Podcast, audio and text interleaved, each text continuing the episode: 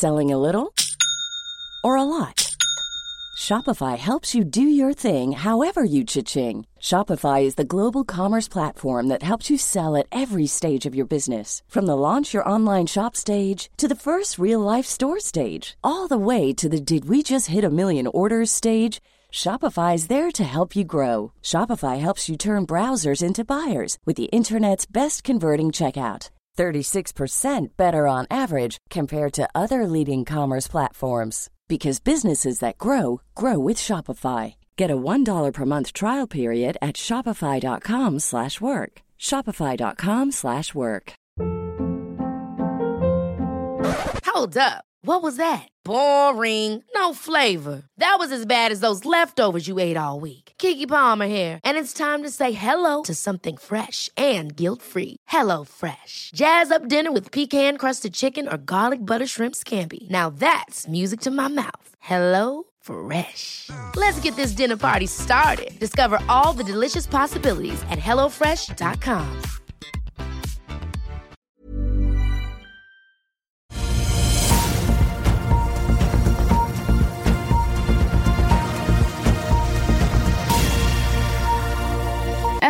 riktig god morgen og velkommen til Børsmorgen her hos oss i Finansavisen denne fredagen.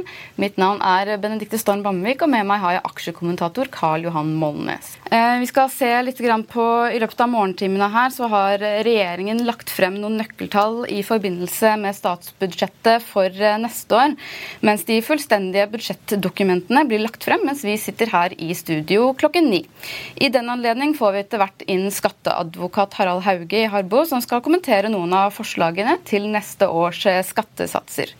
Internasjonalt så er det amerikanske nøkkeltall som er i fokus i dag. Da torsdag så kommer jobless claims-tallene, som fremdeles peker mot et knallsterkt eh, amerikansk arbeidsmarked.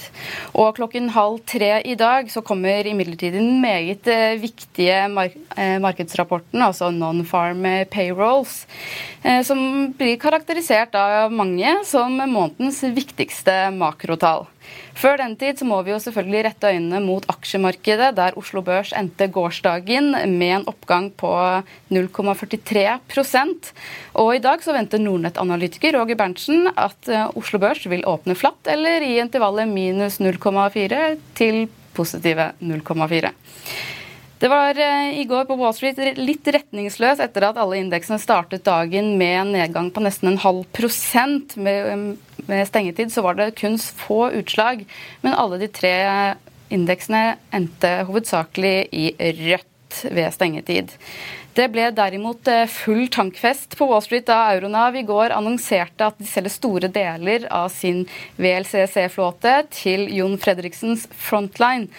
Euronav, hvor det er kjent at uh, Saveries-familien skal ta over eh, Fredriksens eierandeler. De steg jo imponerende 17,2% mens Frontline endte på sin side opp 7,7% Og Når det gjelder Asia og stillehavsområdet fredag morgen, så stiger uh, mer eller mindre de fleste børsene i området. Hang Seng i Hongkong eh, viser vei med oppgang på nesten 2% løftet av finans- og tech-aksjer.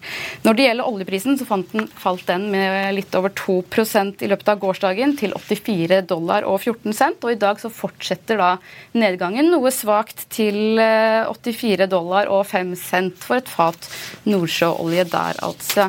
I andre nyheter så viser jo ferske tall at Høg Autoliner Ellers opprettholder momentumet og lander landet rekordrater i september. Samtidig så har det kommet frem at Ottovo selger sine norske og svenske abonnementporteføljer til Swiss Life i en avtale som kan komme opp i 700 millioner kroner. Før børsen åpner nå, Karl Johan, skal vi se litt på dette med Euronav og Jon Fredriksen? Riktig. Det er jo en kjempedeal. Han eh, kjøper 24 eh, skip med oppgjør i eh, egne Euronav-aksjer. Mm. Så han slipper å utstede aksjer og får eh, anslagsvis en salgsgevinst på litt over en milliard dollar. Eh, mm, verdien av skipene som man kjøper i 24 er omtrent eh, det dobbelte, 2,3 milliard dollar. Dette er en stor transaksjon. Og som du nevnte i går, aksjen opp med 7 eh, så vi må forvente at den spretter opp med rundt det samme i, eh, i Norge. Altså fra 198 da til en rundt 210-215 kroner. Kursmålene som analytikerne har, er 250. og jo, Man har jo forventa en løsning her, da, og aksjekursen har jo allerede dobla seg. Og Dette er jo noenlunde det samme som jeg tror John Fredriksen liker sånne her små uh, uenigheter med andre tankredere. Gjorde det samme med Sverige, med ICB. Uh, da endte det med at det var noen andre som prøvde å være, komme inn som White Nights, og de fikk visst et hvitt hestehode i senga. Å, men det, det, ikke, det, har ikke blitt rapportert om noen hestehoder i sengen her for å få denne dealen her på plass. da. Det er kanskje nok med trusselen om det, om at uh, hvis det du ikke gjør som de vil, så blir det litt hestehoder. og Det drepes jo en del hester. Det drepes jo nok hester til at det mangler jo ikke hestehoder til å få til noe sånt, for å gjøre det tydelig hva man vil. da. Men det jeg legger merke til når jeg ser på aksjonærlisten, det at det er veldig mange av de store aksjonærene som har solgt aksjer i det siste. Så så det store spørsmålet liksom, hvem, hvilke nye skal komme inn. Eh, aksjen var priset til 25% premium til net asset value. Nå eh, vil jo det sannsynligvis utvannes nå at du får inn en stor økning. så Premiumen kanskje ikke blir teknisk sett så stor. da. Men eh, så det beste måten å gjøre dette på, de lykkeligste, de lykkeligste investorene i Frontline er de som handler dette på teknisk analyse. For det er så enormt sterke svingninger som skjer. så det er bare å følge veldig nøye med som trader der. Men man liksom spørre seg hvilke, hvem er det som er det nye som kan komme inn. Og så kan man si ja, ut, det skal bli en utbyttemaskin, dette her. Men utbytteinvesteringer er ikke det som er mest på moten akkurat nå.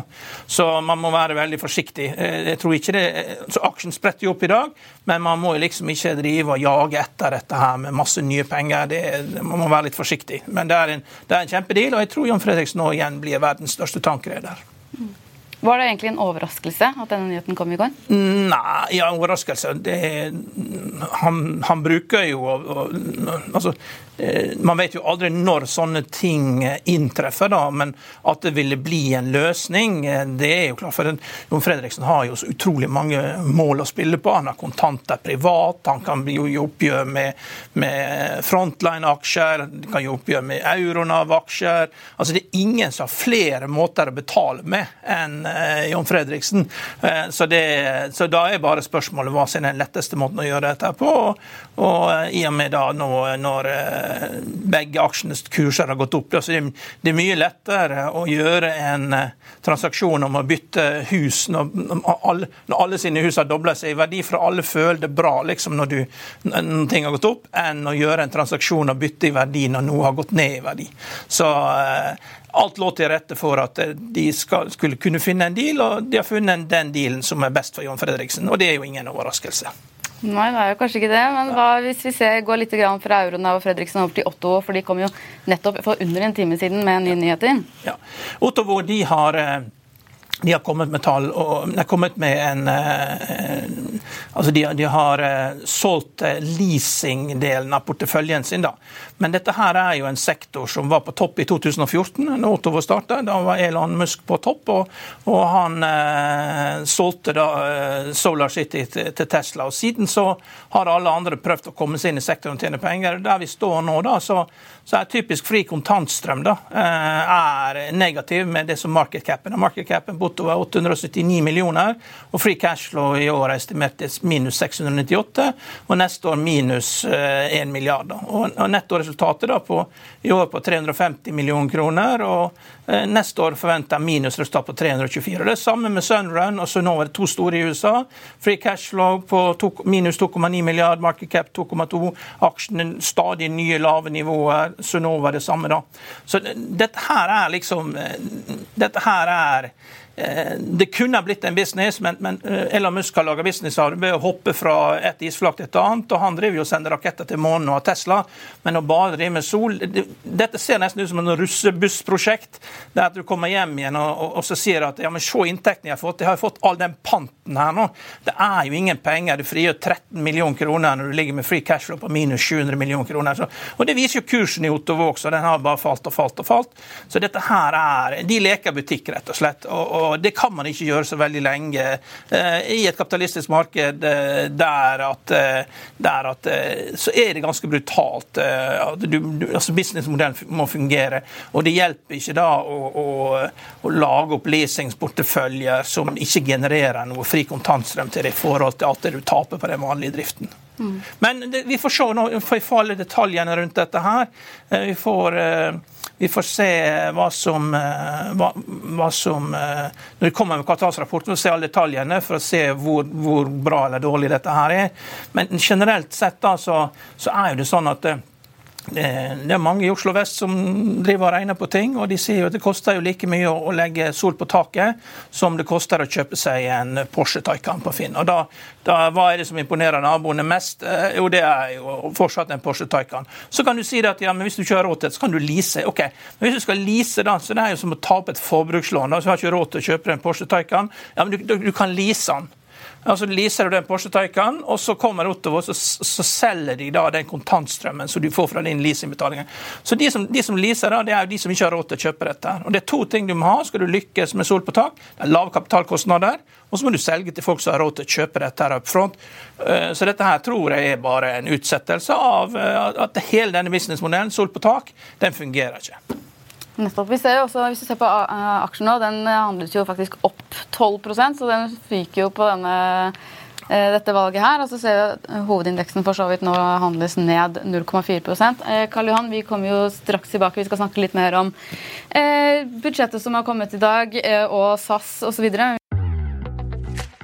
Vil du bli oppdatert på det viktigste som har skjedd innen finans og næringsliv? Da er det bare å følge med, for hver morgen er jeg, Marius Lorentzen og aksjekommentator Karl Johan Malnes på plass i studio for å ta tempen på dagens marked i Børsmorgen. Og hver ettermiddag oppsummerer vi alt du trenger å vite i økonominyhetene, og det blir selvfølgelig masse interessante gjester.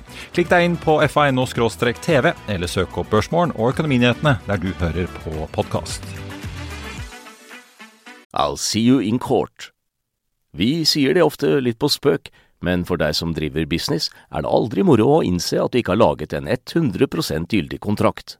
Du bør ikke risikere hele firmaet ditt fordi du synes dette med kontrakter er litt stress. En avtale er ikke en avtale. Du kan miste kunder, miste venner, ja, til og med miste inntekter om du ikke lager en skikkelig kontrakt, på alt mulig, egentlig. Men vi vet det er et styr. Kopimaskiner, tregprinter og haugevis av papir. Dessuten stoler vi jo på folk her i landet. Det er ofte litt kleint å skulle be om en signatur for alt mulig, ja, for mye av styret handler også om jakten på underskriften. Det finnes en enkel måte å løse dette på, Dukkobit, en trygg, effektiv og get this, gratis måte å sikre seg en god natts søvn pluss en juridisk bindende avtale. Dukkobit-appen har de strengeste sikkerhetskrav i bunn, samt en EU-godkjent og sertifisert teknologi. Framover vil det bli behagelig å spørre du, skal vi skrive under på det, eller? Kom i gang på dokobit.no.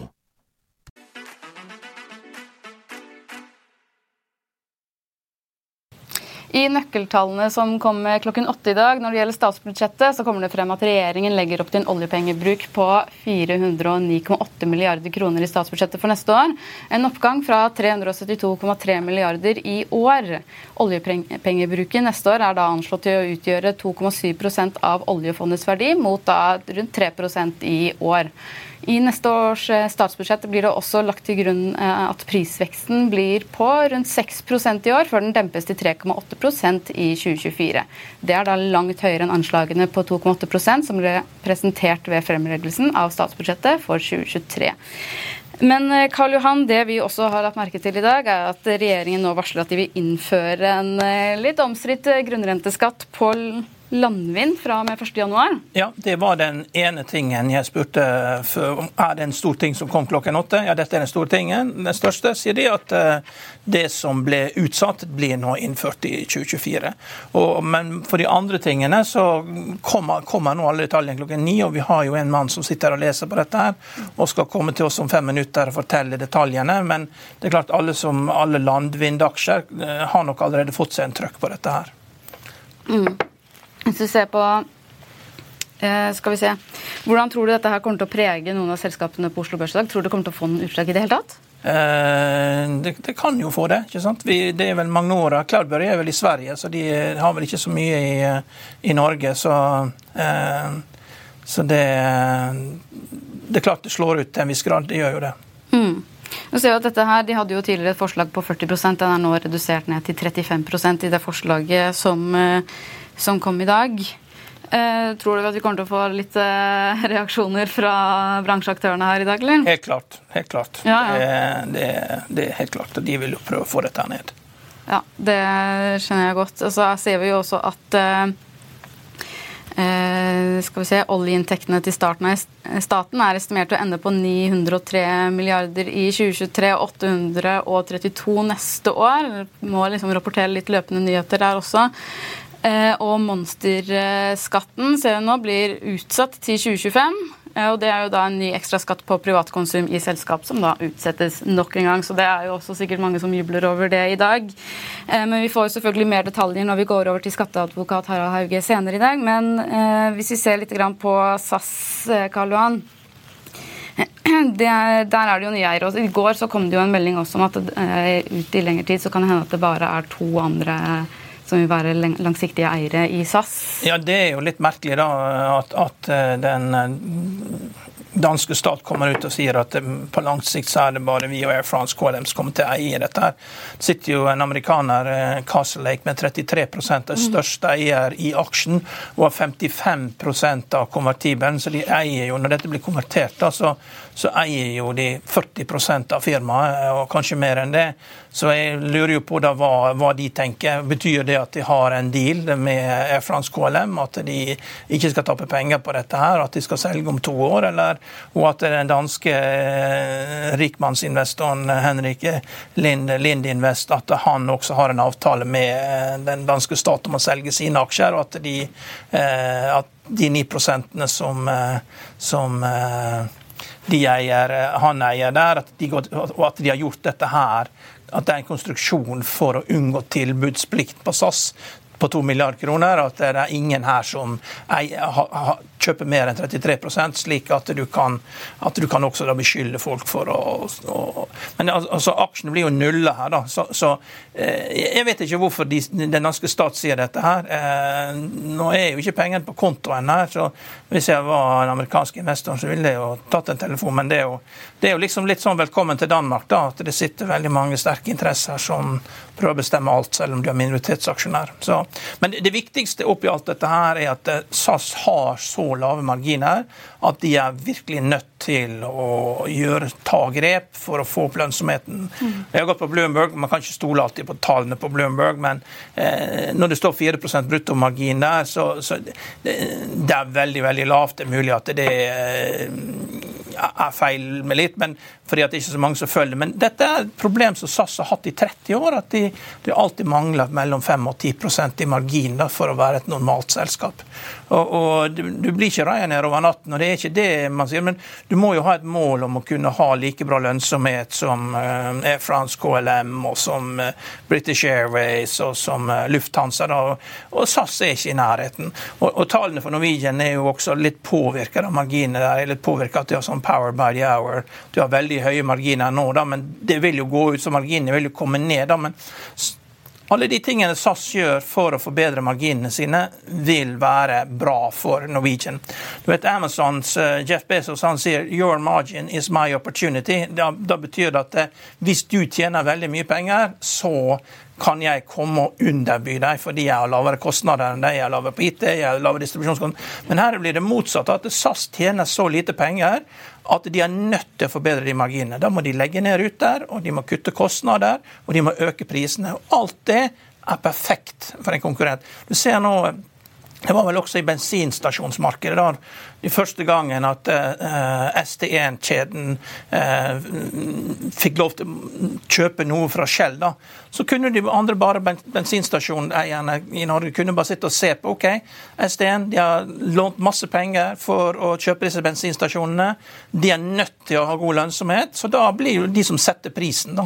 Så det er jo et, så, så, så du gikk altså Du fikk nesten et slags oligopol. da, og Siden det kjøpet skjedde, så har jo bensinprisene de tok jo av. ikke sant? Sant? Og det, det, er mulig de må ha dette, for det volumet går ned. Men det er litt det samme med SAS og Norwegian, og det er jo den perfekte konkurrenten. Hvis, hvis SAS hadde gått konkurs, da, så hadde du fått samme situasjon som Italia, der all, all Italia er konkurs. og Da kommer alle de andre inn, og da blir det et fragmentert marked. Da hadde Lufthansa kommet inn, Ryanair, Wizz Air, og det hadde blitt veldig sterk konkurranse, og alle hadde hatt veldig lave priser. Og det, er ikke noe bra. det hadde ikke vært noe bra for Norwegian. Så at SAS overlever, er fantastisk for Norwegian. Dette er en mulighet for dem. Ja, Øker det sannsynligheten at for at Norwegian får faktisk kjøpt opp videre? Ja, helt klart. Helt klart. Fordi at det, hvis du er konkurransemyndighetene, da, så ønsker du ideelt sett da, at du har tre konkurrenter med 25 markedsandel. og det, det, er veldig vanskelig å få til. Det ser du fra telekommarkedet, at det ender ofte med to konkurrenter som har rundt 50 andel. Hver gang det kommer opp nye, så kjøper de dette her. Da. Men jeg tror for konkurransemyndighetene så er det veldig viktig. Hvis SAS hadde gått konkurs, hadde det bare én aktør i Norge, og det ville blitt kaos i markedet. Så det er jo, Men Widerøe trenger jo hjelp, og, og, og SAS har vært forlova, både eid eh, for Widerøe og hatt samarbeid med dem og, og, og, gått fra det. og da, da, da, er det litt vanskelig å gå tilbake igjen og si du skal ha eksen din for at andre har, eh, andre har kommet og tatt over. Så eh, jeg tror Norwegian og Widerøe nå, nå kommer til å gå gjennom, og det er også veldig bra for Norwegian. Yes, da er det bare å ta imot eh, skatteadvokat Harald Hauge. Velkommen til oss. Du har jo nå fått litt tid til å gå gjennom eh, forslagene for statsbudsjettet neste år. Kan ikke du eh, først og fremst starte med å, før vi går inn på detaljene i det her, bare se litt på helhetsinntrykket i budsjettet? Ja, nei, det, sånn sett Med skatteadvokats øyne så syns vi det egentlig er litt kjedelig. Det var litt sånn som vi kanskje trodde, at regjeringen ville forsøke å holde litt igjen på skatteøkninger, egentlig. Eh, slik at hvis vi ser ned på listen på skattesatsene, så er de så å si eh, helt uendret. Der, eh, det store nyheten er for så vidt, eller det er ikke en stor nyhet kanskje, men, men nå kommer det eh, grunnrenteskatt på, på, vindkraft, og så har man lagt inn da lettelser der. Så det er kanskje den den, den store nyheten. Uh, I forhold til satsene, uh, lønnsinntekt holdes på samme nivå. Det er en marginal skatt på uh, eh, 47,4. Små tweaks som gjør liksom at lav, lavere lønte får en viss lettelse. det har litt med disse nivåene for når trinnskatten slår inn. men den ligger på en måte sånn på på samme nivå som den har i dag. Ehm, den vanlige personlige kapitalinntektssatsen på 22 den ligger flatt. og Det var forventet. Ehm, vi var litt spent på utbytteskatten. altså Den ligger jo i dag veldig høyt, eh, synes vi, på 37,8% Altså egentlig en sats som er godt over det som er effektiv skattesats for lønnsinntekter på si, alminnelige lønnsmottakere. Eh, som ligger litt lenger ned på 30-tallet. Så den aksjeskatten står i dag på 37,8, og den er heller ikke hevet. Så, så det står. Eh, formue er jo alltid spennende med denne regjeringen her, men der ligger eh, satsene i ro. Altså Det er 1% som er utgangspunktet for formuesskatten, over 1,7. Så det, hva skal vi si, den bunnfradraget på 1,7 det ligger også i ro. Eh, det vil jo si at eh, Hvis verdier har økt, så blir det litt flere som betaler formuesskatt. og Så er spørsmålet om de har økt. Uh, mulig de kan si at det er litt mer proveny der. Og så er det en forhøyet sats på 1,1 som vi har i dag. Over 20 millioner i formue, og den ligger også i ro. Det som er kanskje endringen på formue, er at det er foreslått nå en, en ny beregningsmåte for næringseiendom utenfor storbyene. Altså Storbyene er da Oslo, Bergen, Trondheim, Stavanger. Så utenfor de byene så skal man øke egentlig den yielden man bruker for å verdsette med, 1, med 1 prosentpoeng. Som gjør at uh, det blir en sikkert 10 lavere verdsettelse av de næringseiendommene. Så der er det for så vidt en, en formuesskattelettelse. Mm. Ja, det er litt sånn på satsene. Ganske, ganske flatt. Men så er jo også det som mange frykter, også den monsterskatten som det kalles, også skatt på privatkonsum i private selskaper, den ble forskjøvet eh, til neste år, er det slik å forstå? Ja, altså den, Det har ikke kommet et nytt forslag eh, på det nå, men det, det som var altså I fjor når det kom et forslag om den skatten, altså som vi populært kaller monsterskatt, som handler egentlig om eh, at personlige eiere som eier eh, med sine nærstående mer enn halve selskapet, de skal kunne skattlegges da for en, eh, hva skal vi si, en, en tenkt bruk av eh, fritidseiendom, bolig, eh, båter, eh, helikopter. Og, og, den var ganske brutal fordi at man skulle beskattes med veldig høye satser. Og uh, også i perioder egentlig hvor disse eiendelene egentlig ikke i bruk, eller i det hele tatt ikke kan være i bruk. Kanskje pga. sesongvariasjoner eller tid til reparasjon osv. Så, videre. så to, totalen var voldsom der. Så det ble mye kritikk.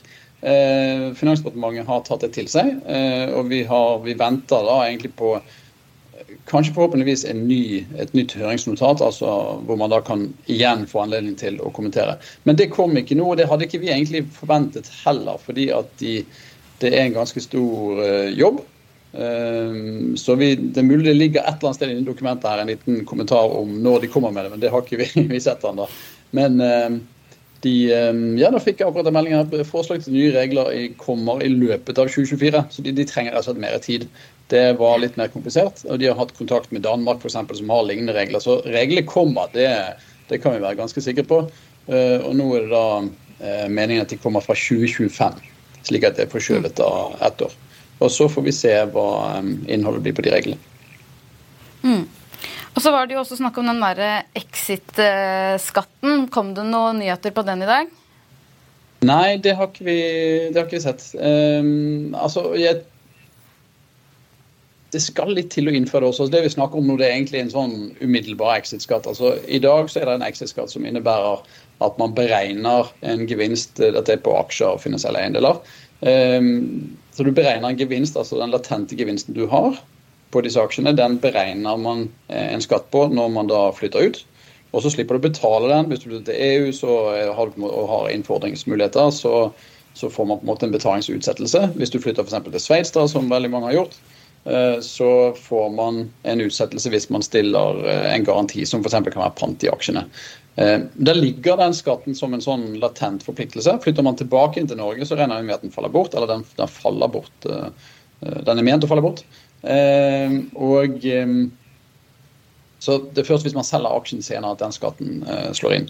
Så har det vært snakk om alle det Tyskland har, å ha en exit-skatt som trer inn, altså som utløses, hvor du må betale skatten idet du flytter ut. Og Det er jo svært brutalt. ikke sant? Så vil det selvfølgelig, hvis man skal innføre en sånn skatt, komme unntak for eh, kortvarige opphold. Eh, de som flytter tilbake igjen, slipper selvfølgelig å betale den skatten eller får det refundert. altså det mange ordninger. Men dette her er jo problematisk i forhold til skal si, EU- EØS-regler i forhold til um, ja, fri bevegelse egentlig av både personer og kapital. Så og Det kan godt hende at, at man bare har det liggende som en trussel. altså det, Man er bedt om å utrede det. Eh, det kan hende det kommer et forslag, men jeg ser ikke bort fra at dette her blir liggende som en sånn, eh, som en sånn trussel, egentlig. Og, og man kanskje er happy med de, eller tilstrekkelig fornøyd med de reglene man har i dag. Altså Problemet er også at nå er det så mange som har flyttet ut at man må på en måte hvis, hvis det klimaet for uh, å bevege seg inn og ut av landet liksom blir enda tøffere, så kommer ikke de tilbake inn heller. Så, så det er en fin balanse der, tror jeg. Men det er ikke noe forslag. Nei. Og så var det jo da Det var kanskje ikke noen nyheter om arveavgiften heller, men det var vel ikke noe forventa? Nei, altså det har vært veldig hauset opp de siste årene. Men altså det er Jeg tror bare må sitere eh, Frode Jacobsen, som uh, hørte noe uh, på sensommeren, som sa liksom altså i forhold til altså Det er jo en debatt der ikke sant, at man ønsker å bytte ut Det, det, det er mye skatteøkonomisk fornuft som tilsier at man burde bytte ut formuesskatten med heller en form for arveavgift. Eh, mindre truende liksom, samfunnsøkonomisk. Men, men, men, som han Frode Jacobsen sa, altså, hvis jeg skal gå i Groruddalen og fortelle mine velgere liksom, at nå, vi, nå, kommer det enda en skatt, jeg blir ikke populær av det. Eh, så det politiske sentimentet i dag er jo at, at det er jo egentlig ingen svært få som vil fjerne formuesskatten. Det er mer innretningen på den. Eh, arveavgiften, det altså Regjeringspartiene ønsker ikke den innført. Eh, ikke? Det kommer ikke i denne perioden. Uh, får vi en blå-grønn regjering som neste, altså i 2025, så vil jo heller ikke de ha arveavgift. Så, så, den der, jeg er ikke så veldig stressa for den. Og den kom ikke nå heller. Det var det som var spørsmålet. Kom ikke. Kommer ikke i overskuelig fremtid. Nettopp. Men Hvis vi tar og ser litt på skattesatsene eller forslagene som har kommet der nå, så ser man på hvordan de vil påvirke deg og meg, mannen på gata, versus da Jon Fredriksen. Altså, Hvilke endringer er det som kommer for deg og meg, og hvilke kommer for de som har, sitter på litt større formuer? Nei, altså det, det, var egentlig det som var den litt sånn uh, kjedelige biten. Altså, vi, ja. Jeg ville jo ønske at det var et regninger, men, men det er egentlig ikke noen endringer i, i satsene. Så, men det er klart at når folk uh, hvert år ikke sant, og Nå har jo uh, lønnen gått opp. ikke sant, Lønnsutviklingen går jo oppover, og det gjør jo det at det betales jo mer skatt. Men sånn satsmessig så er det en liten lettelse. Så det var beregnet til 400 millioner som er lettelse på lønnsinntekter, så det blir litt. Og så er det selvfølgelig andre tiltak. ikke sant? Nå skal barnehageprisene gå ned, og ekstra selvfølgelig de kommunene hvor det har innført grunnrenteskatt f.eks. På, på havbruk. Så, så man, eh, man, smører jo dette her på litt andre måter. da. Men, men, det som er på en måte en, eh, en, et tilbud her, da, eller si, som er på en måte noe som er en lettelse, det er jo for så vidt til de som eier eh, næringseiendom eh, ja, Det er kanskje litt tøft å si distriktene, for det det er utenfor storbyene, men, eh, men, der blir det en lettelse. Og Det er jo for så vidt kanskje litt signal om at man tar de næringsdrivendes bekymringer om formuesskatten på alvor. Men, men, altså, den store diskusjonen som mangler på formuesskatt, er jo å, å skape større, altså skjerme arbeidende kapital den er på en måte litt sånn fraværende. men Det er jo politisk flertall for å gjøre noe med det, men, eh, men kanskje er det disse her provenyhensynene som eh, egentlig styrer. Men det ligger flatt. Nettopp. Men Var det noe i dagens eh, budsjett som du følte manglet, eller som du vil kanskje holde øynene opp for utover året nå frem til revidert, kanskje? Ja, altså det, det store spørsmålet, altså, Oi, vi har glemt å snakke om én viktig ting. Eh, eller for så vidt to ting. Altså En som er veldig praktisk viktig, det er egentlig at eh, satsen for å kunne direkte fradragsføre kostnader altså den er per i dag 15 000. Hvis du kjøper et driftsmiddel som liksom koster mer enn 15 000, så må du aktivere det og avskrive det. Nå heves den grensen til 30 000. Altså den, den dobles. Den 15 000-grensen har ligget langt tilbake.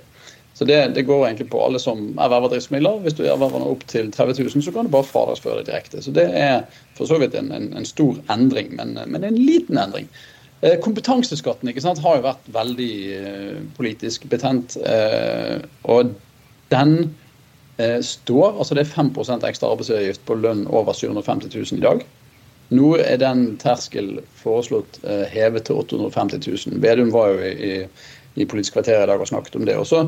Det hører i høst, er at dette her kommer til å bli en sånn forhandlingssak med SV. Altså I fjor var jo eh, regjeringen taktisk.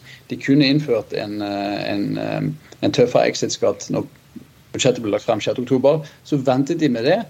Lot det være en forhandlingsbit med SV, sånn at SV liksom fikk en budsjettseier. Nå blir det tøffere å flytte ut av Norge. Og så holdt man formuesskattesatsene.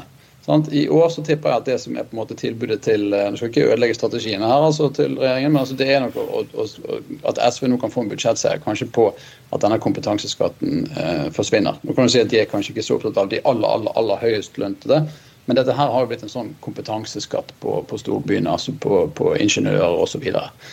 Um, og hvor vi på en måte belaster teknologibedriftene. Men den går fra 750 til 850, det er det som er forslaget. Kanskje forsvinner den i budsjettdiskusjonene.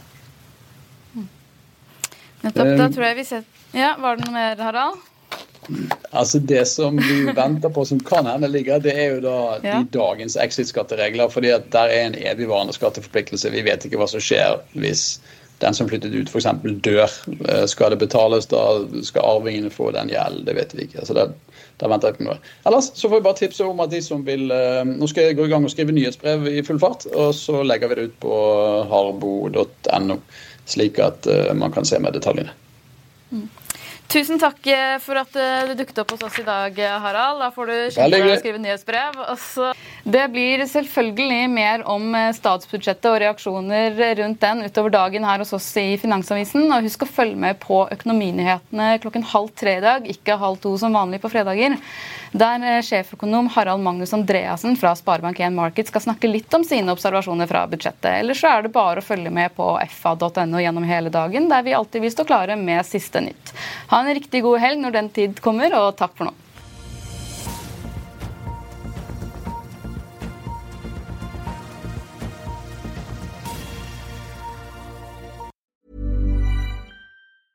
Selling a little or a lot?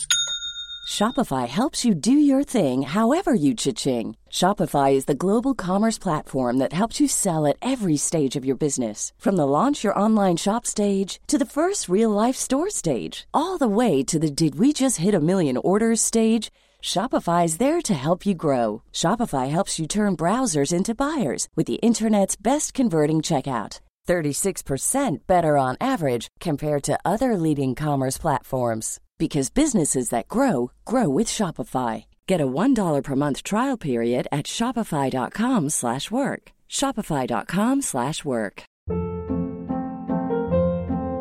Hold up. What was that? Boring. No flavor. That was as bad as those leftovers you ate all week. Kiki Palmer here, and it's time to say hello to something fresh and guilt-free. Hello Fresh. Jazz up dinner with pecan-crusted chicken or garlic butter shrimp scampi. Now that's music to my mouth. Hello Fresh. Let's get this dinner party started. Discover all the delicious possibilities at hellofresh.com. Økonominyhetene er en podkast fra Finansavisen. Programledere er Marius Lorentzen, Stein Ove Haugen og Benedikte Storm Bamvik. Produsenter er Lars Brenden Skram og Bashar Johar. Og ansvarlig redaktør er Trygve Hegnar.